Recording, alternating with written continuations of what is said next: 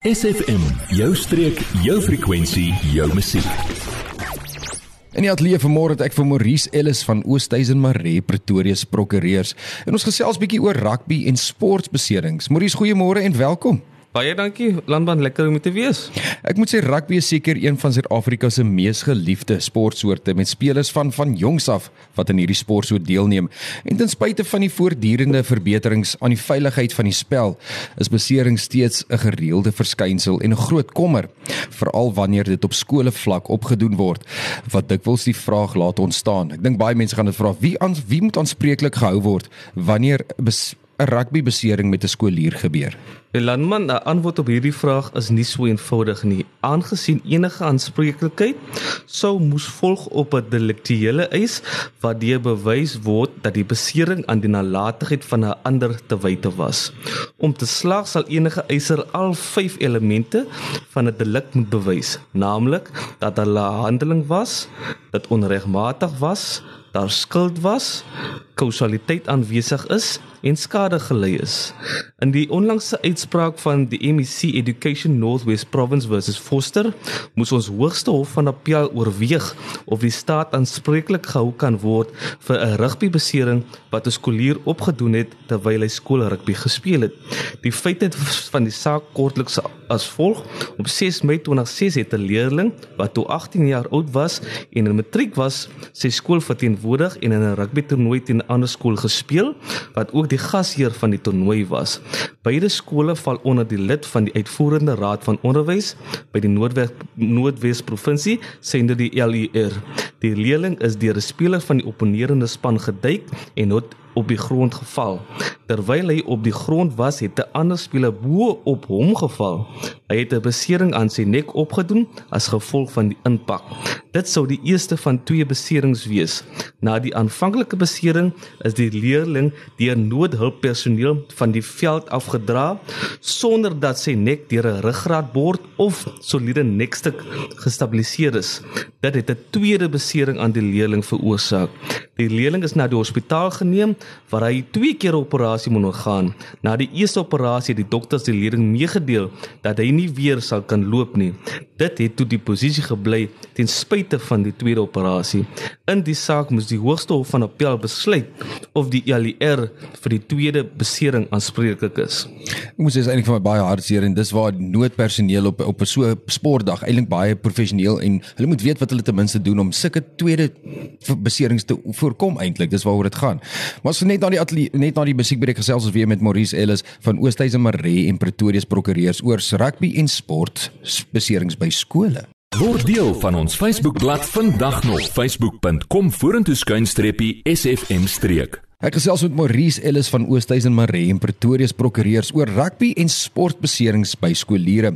So Maurice, hoe word die aanspreeklikheid van die staat in die skolewet omskryf ten opsigte van deliktuele skade?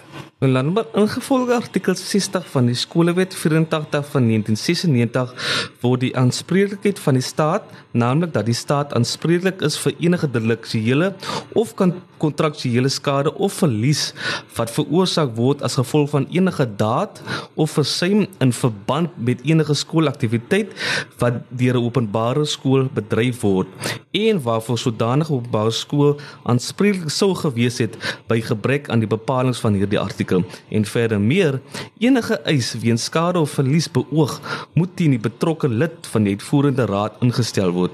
Die hoogste hof van appel het in die Foster aangeleentheid waarna ek vroeër verwys het bevind dat die rugby wedstryd 'n aktiwiteit wat verband hou met 'n opvoedkundige aktiwiteit soos in die skolewet beskryf was en daarom bestaan daar 'n regsplig op die LER om nalatige skade te vermy. Die deliktuele elemente van onregmatigheid en kausaliteit was dus nie in dispuut nie.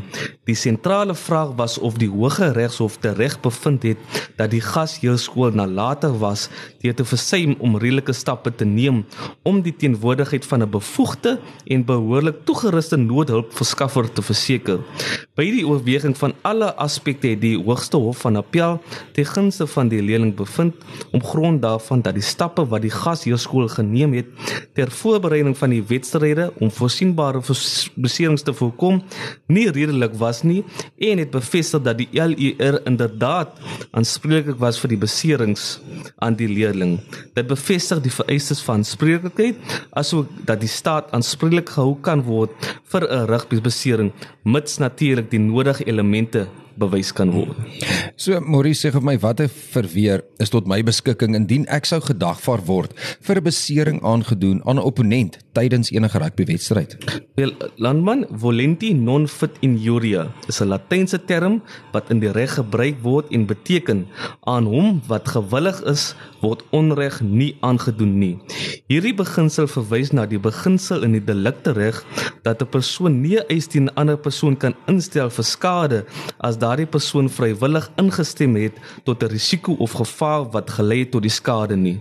Dit is 'n verweer wat 'n gedagte kan aanvoer om homself teen eis te beskerm.